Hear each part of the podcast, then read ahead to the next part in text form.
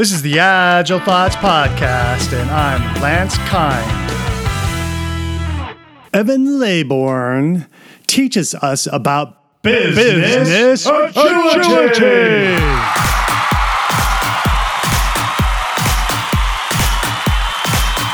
This series with Evan Leybourn started in episode 83.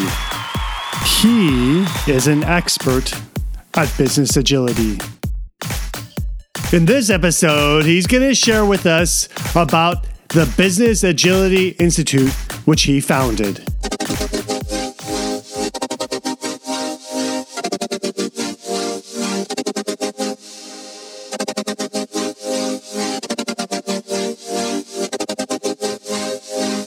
So you're you're uh, also a consultant, I assume, as well of business agility. Uh, no, no. Oh. Um, I, I, was. I was a consultant. Was about two years ago. But uh, when I started the institute, we made a decision that we had to be independent. Um, we do research, and it means our research has to be trustworthy. And if we turn around and we say, here's a piece of research that says agile organizations have higher engagement scores, employee engagement scores than non agile organizations, and by the way, that piece of research is coming out on Friday, um, uh, then if I then turn around and say, oh, and by the way, hire us and we'll help improve your engagement scores, there's a level of trust that's missing in mm, that. Mm-hmm. Uh, now, the research may be true, but you're not necessarily going to believe it because it's it's self-serving. So when we come out with a piece of research that says that engagement scores are higher, we have to be independent. We can't have a bias to to or, or, a personal profit to that research. Likewise, if we say something that business agility leads to this negative outcome, right? If we were a consulting firm, we would be tempted to downplay or hide that piece of research because it might impact our consulting. Mm. Um, so we made a decision that to be independent needs to be reliable and credible and trustworthy. It, me- it needs us to be able to publish research and case studies and have no commercial interest in in what in the results of what we're publishing.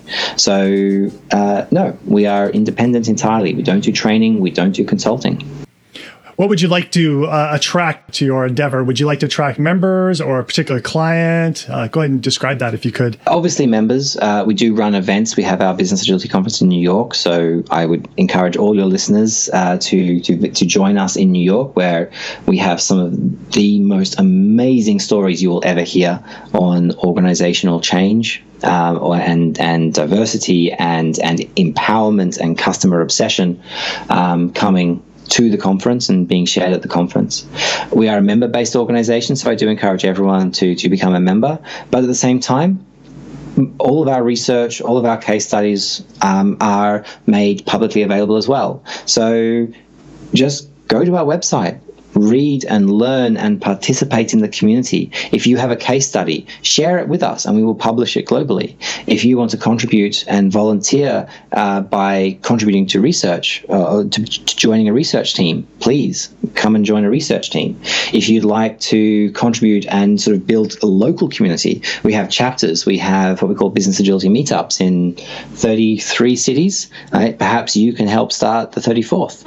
Right? Help us to, to reach reach out to those organizations in your local area who need to hear what we're saying, who need to know what it means to thrive in ambiguity, who need to know what it takes to be a company in the 21st century.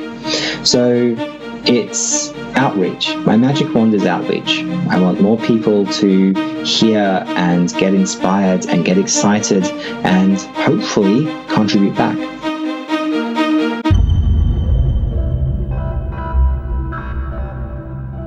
As I hope came through, uh, the Business Agility Institute, we are an independent research organization, a think tank, a community organization.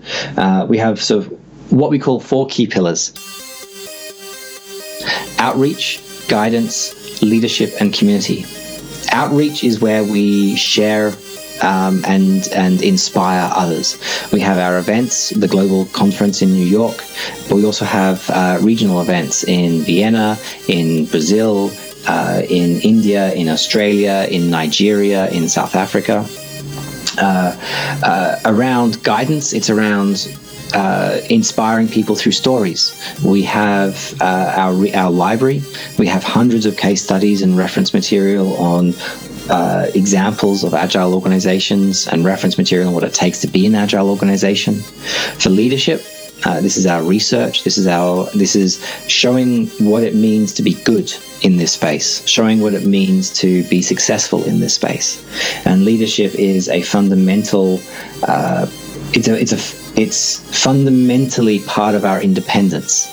Right? We can be leaders. We can share this this vision of good, this vision of right, because we're not trying to sell anything associated with that. And lastly, it's about community. Or perhaps firstly, it's about community we have our global member base. We are a member based organization, both corporate members and individual members. We have our individual members, and we have sort of sub communities, which are our uh, online guilds, uh, the HR Guild, for example, which is a community just for HR professionals, uh, and the, our local regional communities, our BAMs, our business agility meetups, which uh, 33 cities, and absolutely some of them put on events that are uh, really inspiring, really dynamic. In I think it's in two weeks, um, Bangalore is going to be hosting their sort of annual uh, party. They, they've been going now and, they, and they're doing like a whole day celebration of business agility in, in India, in, in Bangalore. It's, it, it looks to be a really fantastic event and I'm sad to be missing it. So community is, is a fundamental part of what we try and create here. And I think there's one message that I want to share and that's you are not alone.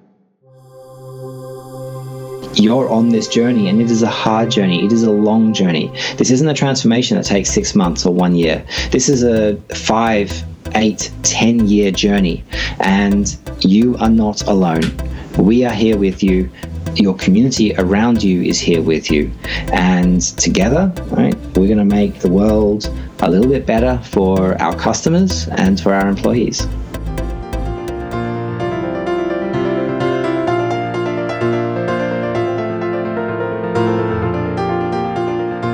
take note. There's a conference coming up March 11th. Uh, so, my main call to action for everyone who's listening is uh, threefold. So, number one, right, join the Business Agility Conference. Right? Come to New York, join us, and hear the best stories of business agility to, from every company, any company on the planet today. This is our flagship event. This is where everything happens. Um, my second is join the Institute join a meetup, join a, a guild, join the Institute proper, and actually become part of the global community. Register and support us, support your peers, support the companies around you, and show what's possible. My third call to action is the easiest, and that's learn. We have uh, join our library, read the material, go talk to people, go talk to companies in your region, and actually understand that there are different ways of being and different ways of working as an organization. The way you've always done it isn't necessarily the best way of doing it. And the sooner you gain the courage to experiment and do something new, the better it is. So there you go. There's my three call to actions. What do they need to type in the, to their web browser to find you or do some of these activities? Just Google Business Agility Institute is the easiest. Our website is businessagility.institute because apparently .institute is a top level domain now. Top level domain now, so it's it's a it's amazing how many domains you've got these days. Um, uh, if they want to reach out to me, I'm always happy to to, to talk. Uh, connect with me on LinkedIn. Hit up the contact page on, on our on our website and, and say hi. Um, ask me your questions. I will always answer.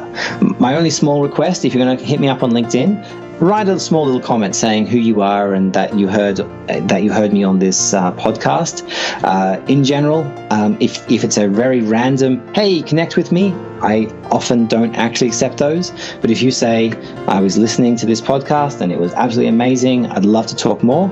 I'm always going to accept that one. To find that conference, just Google Business Agility New York City.